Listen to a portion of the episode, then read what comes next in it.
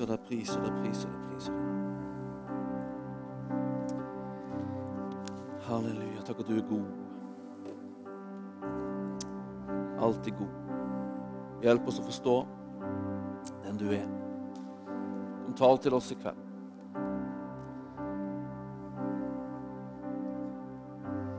Tal ditt ord til oss. Så tro på du vekkes. Så vi forstår, Herre, bedre hvem du er. Bedre hva du tenker for våre liv, hva du vil. Så vi kan følge deg, Herre. Følge du i denne verden. Gjør du kjent. Og blir du stor for våre øyne? Og ber om det. I Jesu navn. Amen. Amen, amen, amen. Før jeg skal tale, så skal vi ønske velkommen fram Tommy Bentsen. Til en kraftfull applaus.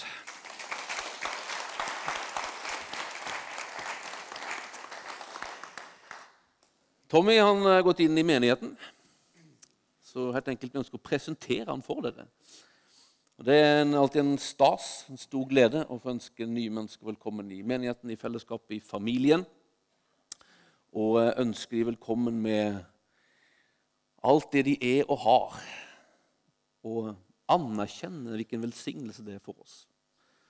Og så ønsker vi å si til Tommy at vi tar imot han, og ønsker å være der for han og hjelpe han og støtte han i det å følge Jesus i denne verden. som vi gjør sammen.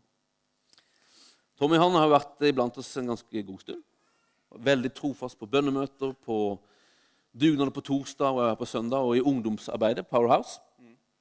Så han er ikke noen ny person her i menigheten. Han er ny, liksom han er ny på papiret. Men eh, jeg håper at, eh, at eh, allerede han har opplevd at vi har tatt han imot, og at han skal få gjøre det enda mer. Nå vet alle hvem han er, og at han er del av oss. Så kan vi ikke strekke ut hendene og så velsigne han og så be om at det å være del av Fola misjonssekt skal bli en velsignelse for Tommy. Og at det at han er del av Fola misjonskirke, skal bli en velsignelse for oss. Så far, vi bare ber for Tommy, bare velsigner hans liv. Herre. Bare ber om det at eh, det du har lagt i livet hans, Herre, skal få blomstre på dette stedet. At han skal få være den Tommy som du har tenkt at han skal være, Herre. Han skal få vandre i de gjerningene du har tenkt at han skal få vandre i, Herre. Og ber at det å være del av fellesskapet her, Herre, skal få gi styrke og kraft til han, og hjelp til det å følge du. Vi bare tar imot han som en gave, og bare sier og taler ut at vi vil elske og støtte, Herre, sånn som du ønsker å gjøre det. Hjelp oss å være dine redskaper inn i hans sitt liv. Vi bare takker deg og ærer deg for han. Ber om velsignelse over hans liv i Jesu navn. Amen. Amen. Gi ham en applaus.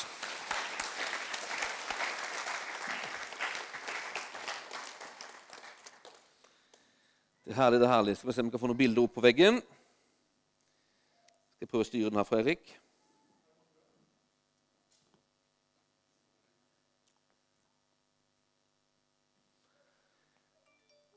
Og det funka? Ikke dårlig, ikke dårlig. Kolossebrevet. Kolossebrevet kapittel 2. Jeg skal tale om at Jesus er herre. Da. Jesus er herre.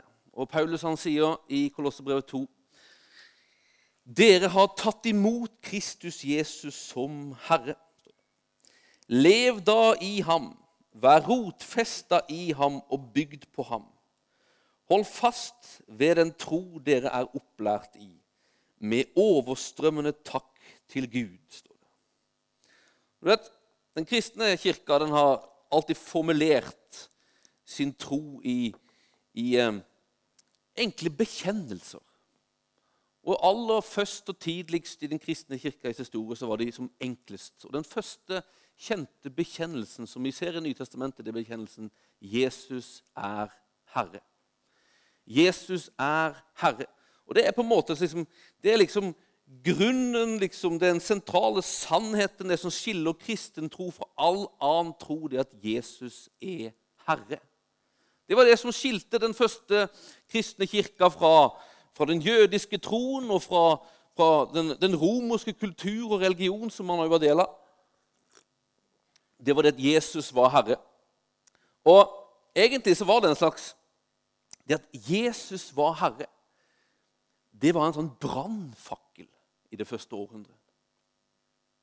En brannfakkel i det første århundret. Derfor at Det man egentlig sa, det, altså, det ordet som Paulus bruker her, det er et ord som heter kyrios. Og det ordet, det, det i, det, i, det, gamle testamentet, så, så når du oversatte Det gamle testamentet fra hebraisk til gresk, så brukte de ordet kyrios for Gud. Når det her er ordet Javé, som jo var så hellig for en jøde at man kunne ikke si det, og man sa istedenfor Adonai, som betyr herre. Når man oversatte det til gresk, så sa man Kyrios. Gud er Kyrios. I den romerske kultur og, og religion så, så, var Kyrios det var navnet på keiseren. Og Keiseren han var jo guddommelig han, i det romerske riket. Han skulle tilbes. Og Tilba du ikke keiseren som Kyrios, så risikerte du ditt liv. Og Mange kristne fikk gi sitt liv fordi de ikke ville tilbe keiseren som herre. De hadde bare én herre. De hadde bare én Kyrios, og det var Jesus Kristus. Så denne bekjennelsen, denne kristne bekjennelsen, Jesus er Herre, det var en sånn brannfakkel. Blant jøder så var, det, så var det en bekjennelse av at Jesus er Gud. Det var en brannfakkel i den jødiske tro som gjorde at kristne ble forfulgt av, av jøder. Men det var jo en brannfakkel i den romerske kultur og religion. Fordi det var å si at Jesus er Kyrios, ikke keiseren. Paulus han sier jo det til, til Filipperne. I Filippobrevet sier han at, at, at Gud han har, han har, gitt Jesus det her, et, et, et, navn som er over alle andre navn, står det i Filippobrevet 2. For at hver makt og myndighet på, i himmelen og på jorden og under jorden må bekjenne at Jesus er herre. Altså alle, hver makt, og det inkluderer faktisk keiseren. Filippi det var jo en, sånn, en, en storslått romersk by. Og i det så slenger Paulus denne brannfakkelen. At hvert navn, hver makt, må erkjenne at Jesus er Herre. Det at Jesus er Herre, det er en brannfakkel i vår tid. Det er en brannfakkel i vår tid. En tid der, der en det, der, der, en, det, det, opphøyes at hver og en skal være sin egen herre. At ingen eh, riktig sannhet fins, det kan man bestemme sjøl. Så er den kristne bekjennelsen har alltid vært at Jesus er Herren. Herren. Ikke én herre, men herrenes herre. Herre over alt og alle.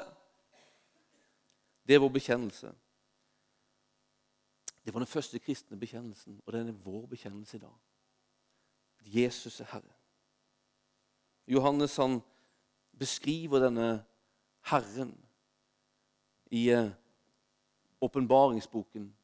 Så beskriver han ikke bare en, en herre som alle andre herrer. Det var ikke bare en eh, læremester for en gruppe mennesker på 12 eller 70, eller, men det var en herre som var herrenes herre. En opphøyd, forherliga herre. Det står sånn i kapittel 1, når Johannes får se hvem som taler. Det er, det er Jesus som taler til ham, så står det da så jeg sju lysestaker av gull, og midt mellom lysestakene en som var lik en menneskesønn. Kledd i en fotsid kjortel og med et belte av gull om brystet. Hodet og håret hans var hvitt som hvit ull eller som snø. Øynene var som flammende ild. Føttene som bronse glødet i en ovn, og røsten var som bruset av veldige vannmasser. I høyre hånd holdt han sju stjerner, og fra munnen gikk det ut et skarpt, tveget sverd. Ansiktet var som solen når den skinner i all sin kraft. Da jeg så ham, falt jeg som død ned for føttene hans. Men han la sin høyre hånd på meg og sa, 'Frykt ikke, jeg er den første og den siste, og den levende. Jeg var død, men se, jeg lever i all evighet. Og jeg har nøkkelen til døden og dødsriket, står det i kapittel 1. Og jeg leser fra kapittel 12. Jeg hørte en høy røst i himmelen som sa:" Nå er seieren og makten og riket fra vår Gud kommet. Nå har han salvede, det er Messias, Kristus, herredømme. For anklageren er styrtet, han som dag og natt anklaget våre søsken for vår Guds ansikt. Den kristne bekjennelsen at Jesus er Herre. Opphøyd Herre. Han er satt ved Gud fars høyre side og troner i himmelen. Han er herrenes herre og kongenes konge.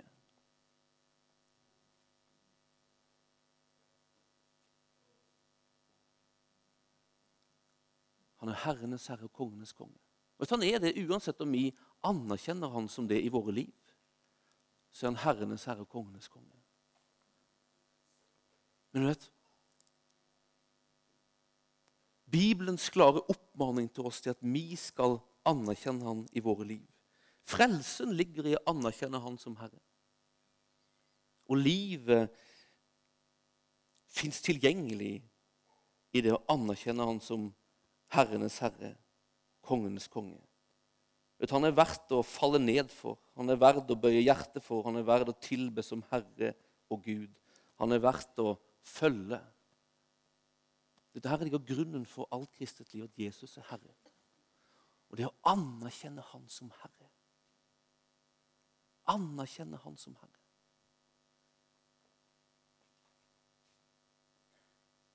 Paulus sier det her, som vi leste. Dere har tatt imot Kristus Jesus som Herre. Lev da i ham. Vær rotfestet i ham og bygd på ham. Hold fast ved den tro dere er opplært i, med overstrømmende takk til Gud. Dette her Å være kristen det, det handler ikke bare om å tro at han er Herrenes herre, men det handler òg om å anerkjenne det og la han få være herre i livet vårt. Dette her er en litt sånn utfordrende tanke.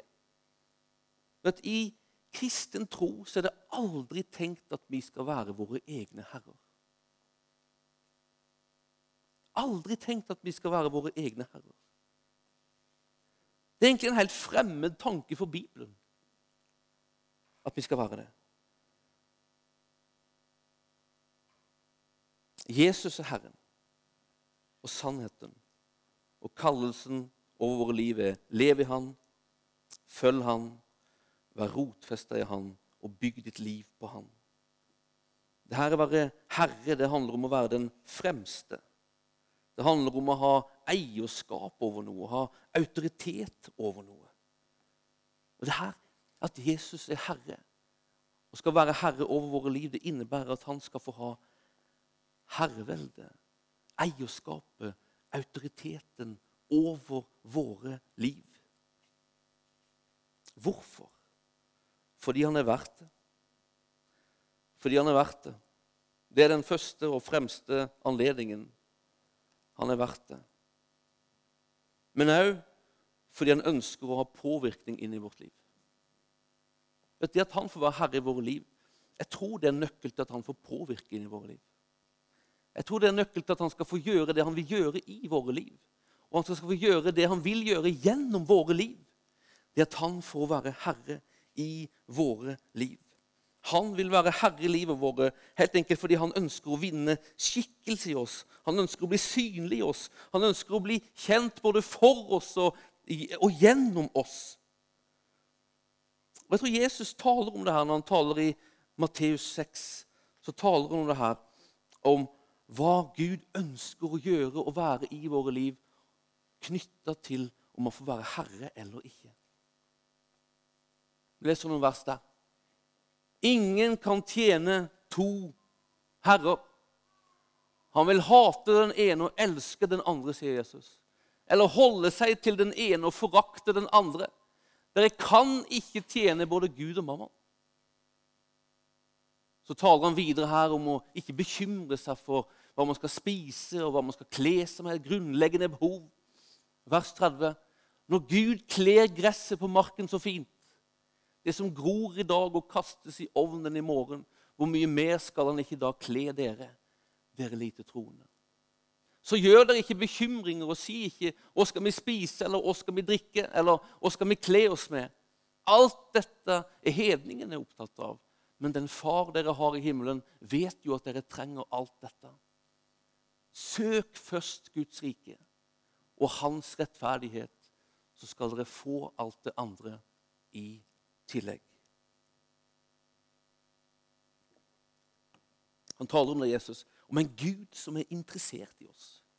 Om en Gud som vil, vil hjelpe oss og forsørge oss og ha omsorg for oss. Som ønsker å gjøre et verk i våre liv. Som ønsker å dekke våre behov.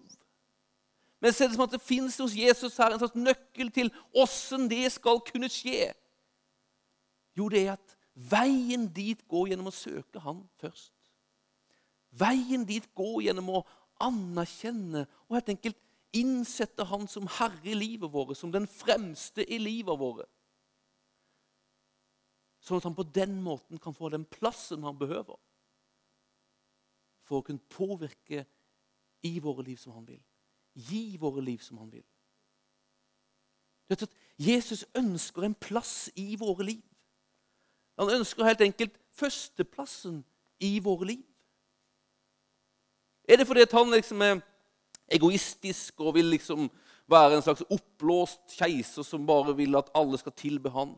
Nei, han vil ha tilbedelse, han vil ha førsteplassen. Han er verdt det. Men mer enn noe annet så vil han ha det fordi han er interessert i at han skal få være Gud i våre liv som han vil. Skal få gjøre det han vil i våre liv, og gjøre, gjøre gjennom våre liv det han vil. Jesus er Herre, uansett om vi gjør han til Herre i våre liv. Men kallelsen ligger der fra, fra, fra Hans ord og Hans hjerte at han, vi skal innsette Han som Herre i våre liv. Ikke bare én gang, men dag etter dag.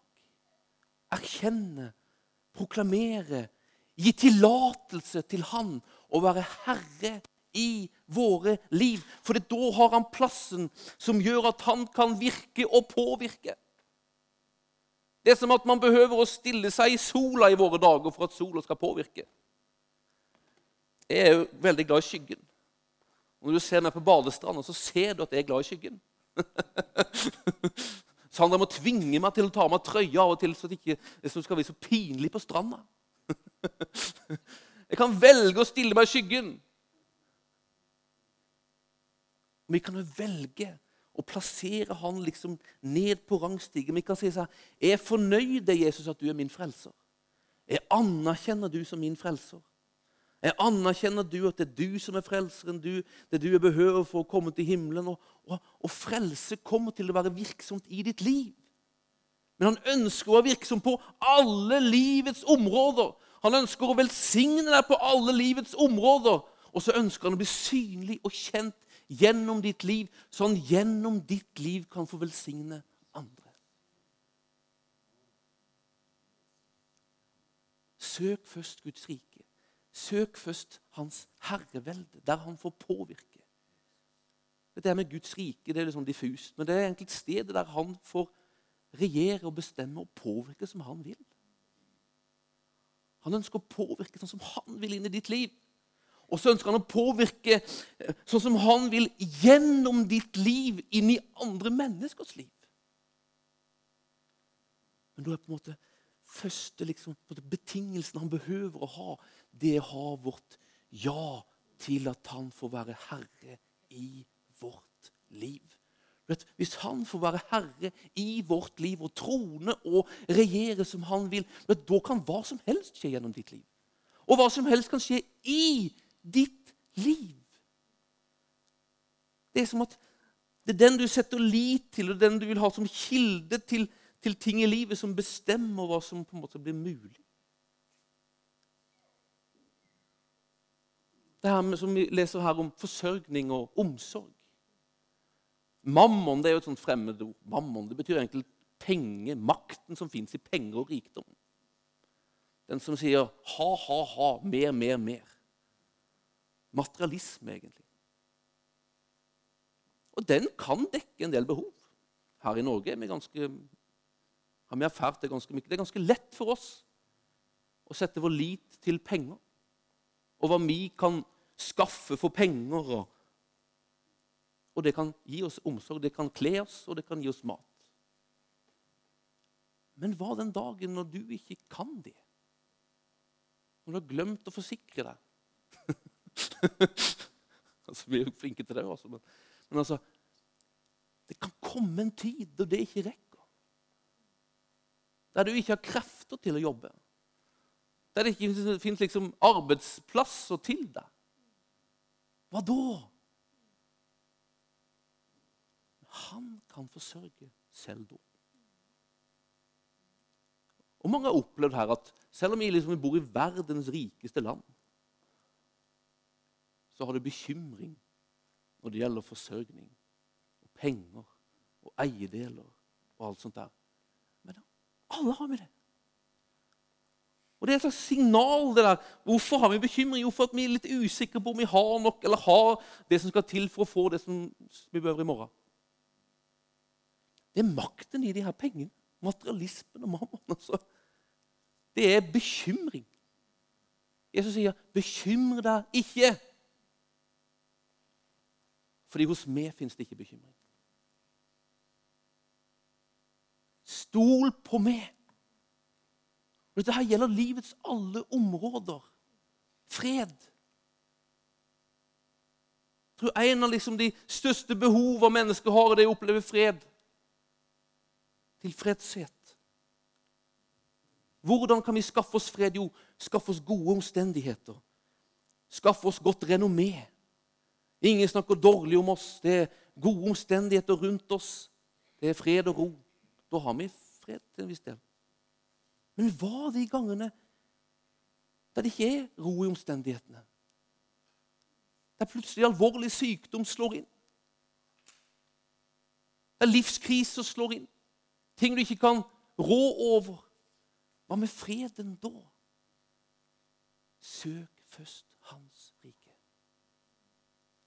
La Han få være herre i livet, så skal Han gi deg alt dette andre. At han er fredsfyrsten. For han være herre i ditt liv, så kan han virke sin fred. Og den freden, sier Paulus, den overgår all forstand. Det er ulogisk å ha fred hvis du er konkurs. Men med Han som herre i livet, der Han får påvirke og virke, så fins det i Hans fred fred selv når du er konkurs. Selv når det går i dødsskyggens dal, så fins det fred hos ham. Det fins en fred tilgjengelig hos han. Hvis han får være herre i ditt liv. Hvis ikke du setter din lit til at omstendighetene dine skal være bra og kilden til din fred. Eller ryktet ditt skal være kilden til fred. Samme gjelder frihet. Det fins hos ham. Det fins hos ham. Vet, alt fins hos ham hvis han får være herre i ditt liv. Så kan han virke det i livet ditt. I livet ditt. Åssen får han førsteplassen? At vi søker han fremst. Det kan bety veldig mye. Søker han fremst. At vi velger å stole på han fremst. Ikke som en reserveløsning eller en backup-løsning, men som den viktigste ingrediensen i vårt liv. Som får avgjøre og styre prioriteringer av tid og ressurser som får avgjøre prioriteringer når det gjelder ulike valg vi står innenfor. Søk først Guds rike. Det som heter livsmotto. Ikke til en slags og, og, og i første omgang liksom måtte gi slipp på allting og alt sånt der.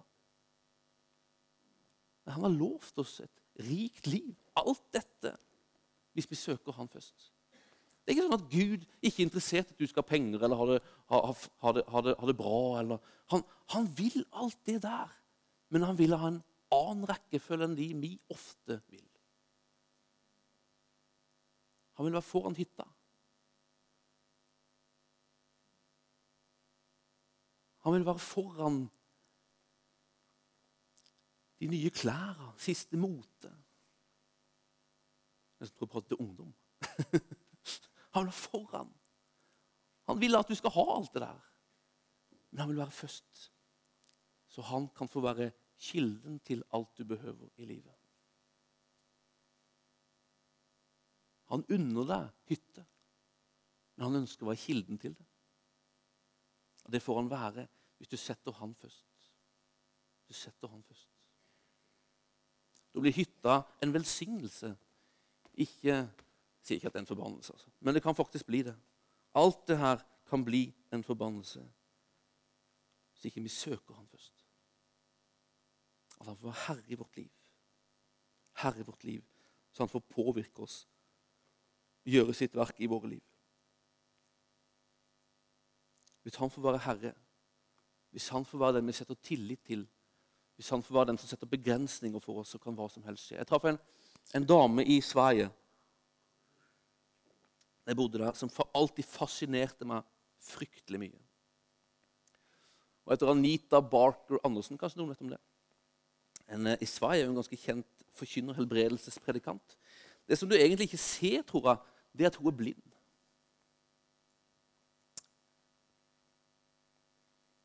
Hun ser noen få prosent bare. Men når hun var ganske ung Hun ble syk egentlig som tenåring. Mista synet gradvis, og til slutt så hadde hun mista det stort sett helt. Hun gikk på skole i Amerika, og når hun gikk der på en kristent college, der, så, så fikk hun et ord fra Gud gjennom en dame som sa at, at du skal få ditt syn igjen. Men mens du venter, skal du leve som om du ser. Og et ord fra himmelen. Du skal leve som om du ser.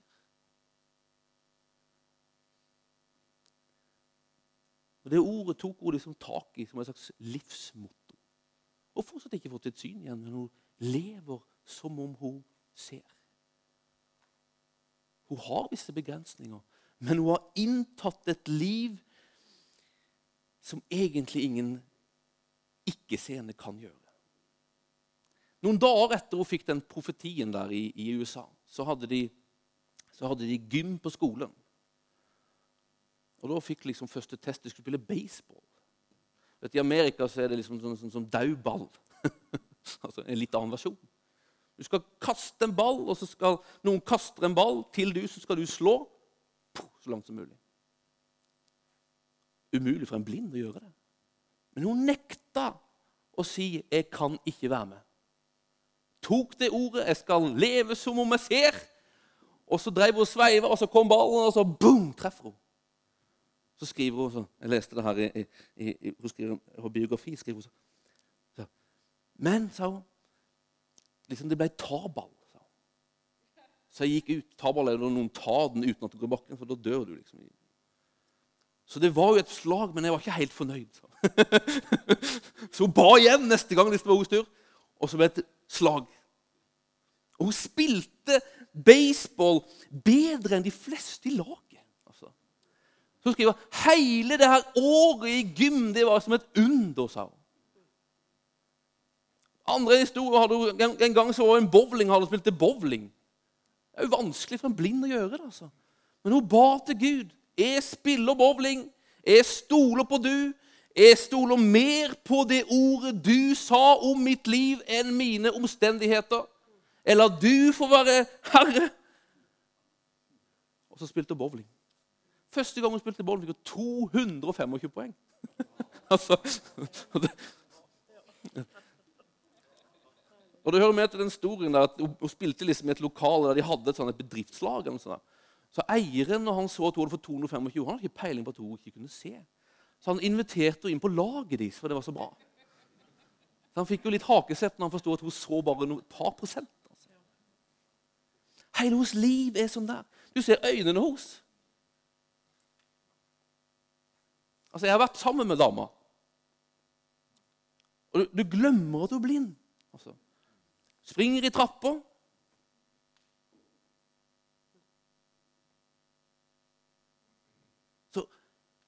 Hun tok et ord. Du er min Herre.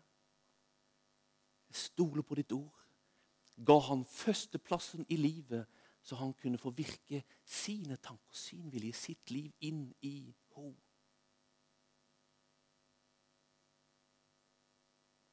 Dame- og helbredelsespredikanter har sett mengder av mennesker fått syn igjen. Sjøl lever hun som om hun kunne se uten å se. Uten å se.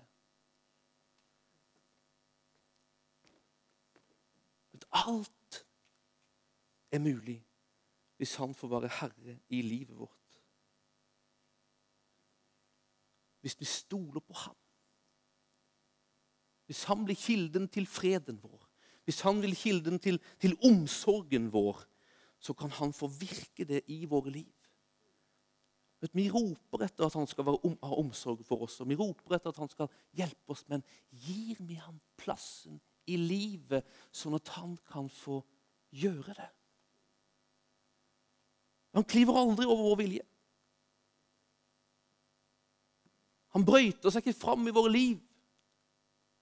Men han ønsker at vi skal forfremme ham, gi ham plassen han fortjener, og han er verd, og den plassen han behøver for at ubegrensa kunne virke sin tanke og sin vilje inn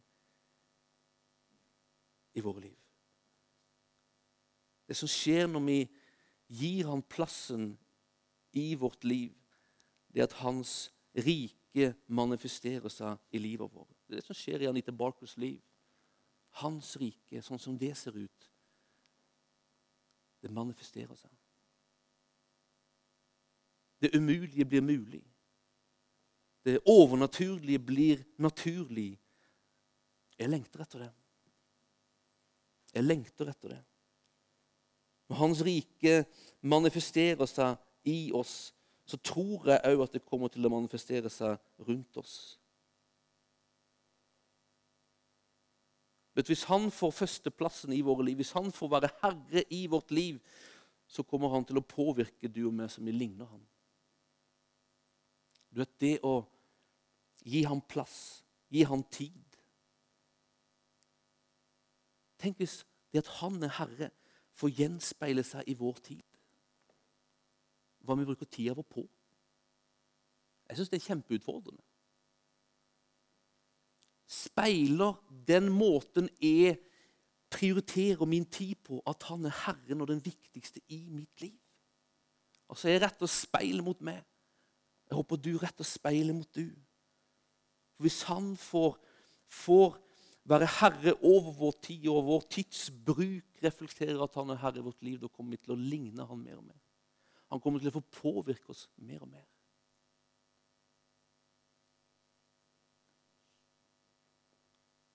så tror jeg hvis, hvis han får være herre i vårt liv, hvis vi, det er han vi, vi, setter på tronen i vårt liv, så tror jeg han kommer til å fylle oss med sitt liv. Vet, han har lagt en kilde i oss i Bibelen av levende vann. Vet, når vi søker oss til hans kilder og til hans sjøl, først og fremst så kommer det levende vannet til å velle og strømme i våre liv og så kommer til å strømme ut gjennom våre liv. Jeg tror Hvis han får være herre i våre liv, så tror jeg at vi kommer til å dufte han og smake han mer og mer. Når han får plass i våre liv og får påvirke våre liv, så kommer han til å gjøre det. Og så innebærer det at han er herre i våre liv, og får førsteplassen i våre liv, at han får vår lydighet. Det at han er førsteplass, viktigst og herre i våre liv, det innebærer at vi, vi, vi lyder ham. Jeg er lydig mot ham. Jeg er lydig mot ham. Jeg er lydig mot han når jeg går blant mennesker. Jeg er lydig mot han. Sier han ting Jeg ønsker at du skal prate med den personen. Jeg ønsker at du skal smile til den personen. Jeg ønsker at du skal be for den personen. Jeg ønsker at du skal slippe meg fram i denne situasjonen. Får han være herre i vårt liv? At jeg tror det. Hvis han får det, så kommer våre gjerninger mer til å ligne hans gjerninger.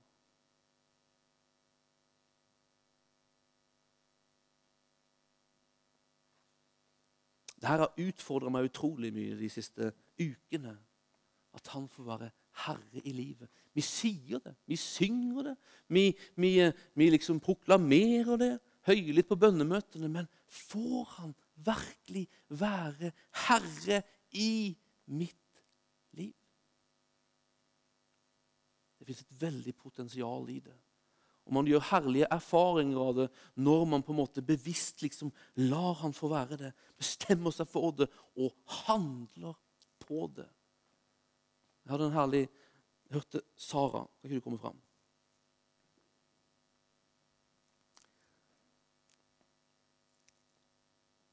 Sara vitna om det her på et ungdomsmøte for noen uker siden. om helt enkelt hva det kan gjøre det å på en måte bare gå bevisst bestemme seg for at nå, Jesus, skal du få være herre i mitt liv, og du skal få ha plass i mitt liv på en sånn måte at du får tre fram gjennom mitt liv.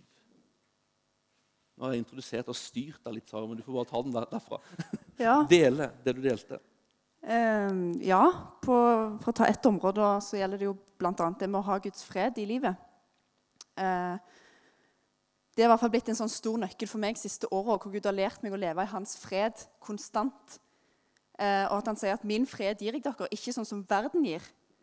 Og så sier han at 'det legger alle mine bekymringer på meg, for jeg har omsorg for dere'. Så sier han òg at 'kast all deres bekymring på han'. Og så sier han 'Guds fred som overgår all forstand', som Vidar sa, skal fylle deg. Og så har det slått meg at hvis jeg tror på Bibelen, da, som jeg òg gjør etter Bibelen um, Og vi må være som han vise mannen som bygde huset sitt på fjell. Vi kan høre hele Bibelen, men hvis vi ikke gjør noe med det, så bygger vi fremdeles på sand. Men hvis jeg vil bygge på fjell, så må jeg faktisk gjøre etter det Bibelen sier. Og så begynte jeg å tenke på det. Tror jeg virkelig på Bibelen? Um, og så Noen vers som har blitt veldig sterke for meg. da, det er I Galaterbrevet 5, vers 22 så står det om åndens frukt. Uh, og Når vi har Den hellige ånd på innsida, så ber vi hans frukt. Det er et løfte. Og Topp tre der det er kjærlighet, glede og fred. Og De går jo veldig hånd i hånd. Og Da skjønte jeg at vet du noe, hvis fredsfyrsten har tatt bolig i mitt hjerte, så er det faktisk mulig for meg å ha fred uansett omstendighet. Uansett hvordan livet måtte se ut, uansett om jeg går gjennom vanskelige ting, så er det faktisk mulig å være glad hele tida. Det er faktisk mulig å ha en overnaturlig glede. Det er faktisk overnaturlig fred som kan bo i hjertene våre. Um, og når jeg fikk den åpenbaringen, så begynte egentlig en prosess av å fornye sinnet mitt. da. Um, der Istedenfor at min reaksjon var å bekymre meg, så begynte jeg å gå til Jesus med en gang med det. Og bare 'Jesus, jeg vet at du er fredsfyrste. Du bor i mitt liv. Kom og fyll meg med din fred, din glede.' Så uansett omstendighet så kan vi faktisk oppleve det. Det har jeg opplevd òg. Eh, et eksempel er jo når far datt ned fra stigen. Ehm, med en gang jeg hørte beskjeden, så begynte jeg å grine. Og så når jeg kjørte ut til sykehuset, da, så bare begynte jeg å be og takke for den freden og den gleden som vi kan ha midt i alle omstendigheter. Vi visste ikke om han hadde indre blødninger og alt dette her.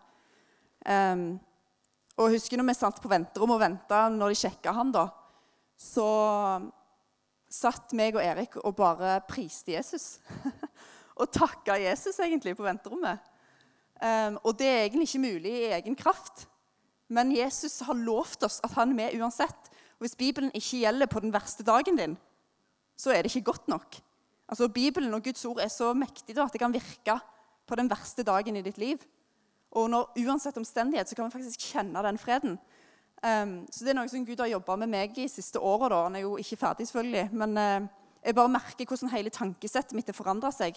Til at mitt instinkt nå er Hvis jeg kjenner meg bekymra, så er det bare Kjære Jesus, jeg vet at jeg er kalt til å leve i fred. Hvis han er fredsfyrsten, så er han veldig god på det. Han bor i våre hjerter, han har lovt oss at det er mulig. Hvis vi tror at Bibelen er sann, så kan vi ikke komme og si ja, det er lett å si, men mine omstendigheter er sånn og sånn og sånn. Jesus hadde aldri bedt oss om å gjøre noe som ikke vi fikk til. Um, og så begynte jeg også å skjønne at fred er på en måte en sånn Det er påtagelig, da. Det er en kraft. Det er en, på en måte en det er ikke bare et ord, da. Det er noe som veier tungt, og det er noe du faktisk kan ta med deg. Eh, og så begynte jeg å eksperimentere med det at, å ta med meg fred. da. For Bibelen snakker om at det jeg har, det kan jeg gi. Um, og vi kan være med å forandre atmosfære og sånn. Og så en gang jeg skulle til farmor Hun ja, kan godt bekymre seg en del. Um, så, så, bare bak, bak, i bilen så takket jeg Jesus for at takk at jeg bringer din fred med meg. Jeg har jo eierskap over dette. Jeg bringer faktisk din atmosfære med meg. Jeg bringer din fred med meg da. Og så bare takket jeg Gud for at hele huset hennes skulle fylles med fred de dagene jeg var der. Og så sa jeg egentlig ingenting til henne om dette. da. Og så gikk det vel jeg tror det var andre kvelden eller noe sånt. Så sa hun bare Sara, det ble så fredfullt når du kom. Og da hadde ikke jeg sagt noe om dette, men det merkes, og vi bærer det så med oss. Men hvis vi vil tro på det Bibelen sier, at det er tilgjengelig for oss, så må vi gå for det. på en måte. Vi må, vi må velge å la våre erfaringer og vårt sinn forvandles og sette Guds ord høyest og faktisk tro på det Bibelen sier. For at Bibelen er for god til å være sann, men den er sann allikevel. Og ja, livet mitt har blitt så mye mer stabilt og mindre bekymringsfullt og alt etter jeg begynte å leve i den freden. da. Og så hender det jo at jeg glemmer meg, selvfølgelig, men da, da vet jeg alltid hvor jeg skal gå. Og det, ja, det, bare, det, tror jeg er det beste med Gud. Det er den freden og den gleden som han kan gi. Den tryggheten. Mm. Amen.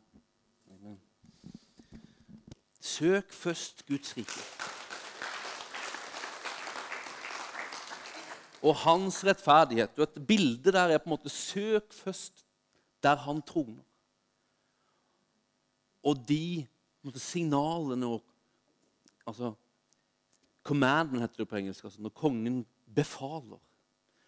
Søk først tronen og de befalingene som utgår derfra. Det er hans ord. Det er hans ansikt. Så kan han få påvirke inn i våre liv.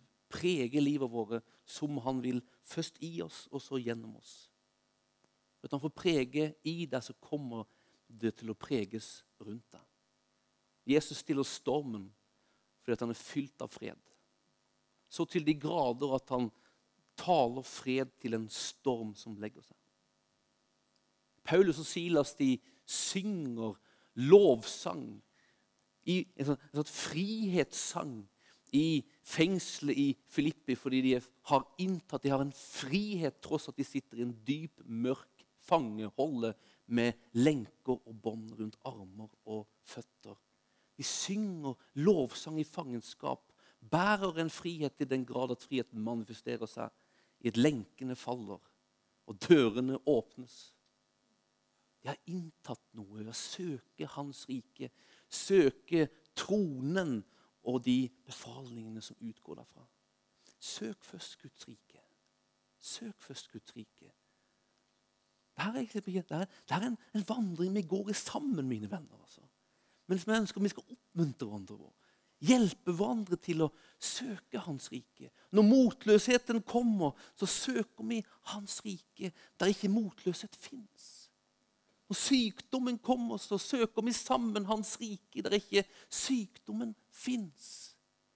Og så, så, så, så, vandrer vi på denne vandringen og lengter etter at Hans rike skal få manifestere seg i våre liv, sånn som Han ønsker, og som vi lengter etter i våre liv, og så ut gjennom våre liv til de menneskene som er rundt oss. Frodan lengter etter Guds rike. Og Gud ønsker og lengter etter å møte Froland. Han ønsker å gjøre det gjennom oss. Og så er det som en sånn utfordring for hans hjerte i dag. Søk først mitt rike. La meg få være herre i ditt liv, så jeg kan få gjøre det jeg ønsker i dere og gjennom dere. Amen. Amen. Amen. Var det OK? Det er en um,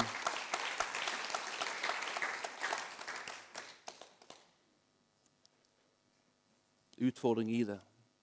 Rejoicing, kan ikke det komme.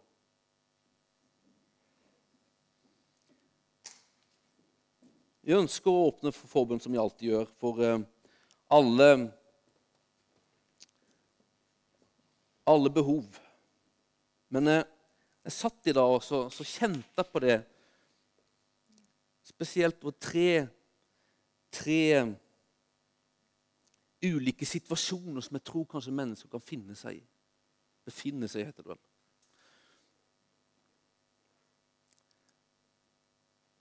Den første er på en måte om du opplever på en måte at du har satt deg sjøl på sidelinja. Du kanskje har opplevd at Gud har sagt ting til deg som du skal gjøre. og kanskje til og med har du, har du tjent ham på de områdene allerede. Men så har det skjedd noe, og du har satt deg på sidelinja. Så selv om du vet at han har sagt at du skal være med i kampen, så har du plassert deg på sidelinja. Du vet, Det er på tide å klive inn på banen igjen. Det er på tide å følge han og tjene han. Og ta steg ut i det, og ikke forbli passiv på sidelinja. Hvis du er her, så vil vi veldig gjerne be for deg etterpå. Eller at du vet at det er ting i livet ditt som han har pekt på. Enten kan det være ting som du holder på med, som du, som du vet går mot Guds ord, eller det kan være åssen du prioriterer. Åssen du prioriterer tida di, pengene dine. Du kanskje har blitt fanga i et slags fokus på det som tilhører det, det vi kaller jordiske, med, med, ting og eiendeler og karriere og alt det som skjer her. Mer enn du er opptatt av Hans rike.